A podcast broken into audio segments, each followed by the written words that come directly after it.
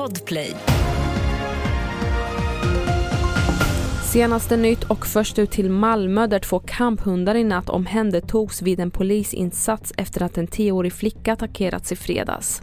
Flickan fick föras till sjukhus och även en man blev biten i samband med attacken, som är en av flera den senaste tiden. Och vidare kan vi berätta att ett indiskt passagerarplan uppges ha kraschat i nordöstra Afghanistan under natten till idag. Det rapporterar Reuters. Enligt nyhetsbyrån var planet på väg till Moskva och hur olyckan har uppstått är i nuläget oklart och skadeomfattningen okänd. Och slutligen kan vi berätta att var åttonde minut sker en viltolycka i Sverige och olyckorna fortsätter att öka. Enligt eftersöksjägaren Roger Johansson sker många olyckor på oförutsägbara platser. Ja, här har vi eh, spår efter eh, hind och kalv som närmast har varit tre meter från hårt trafikerad väg.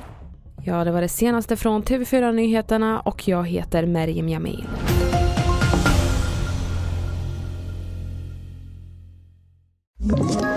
Ett poddtips från Podplay.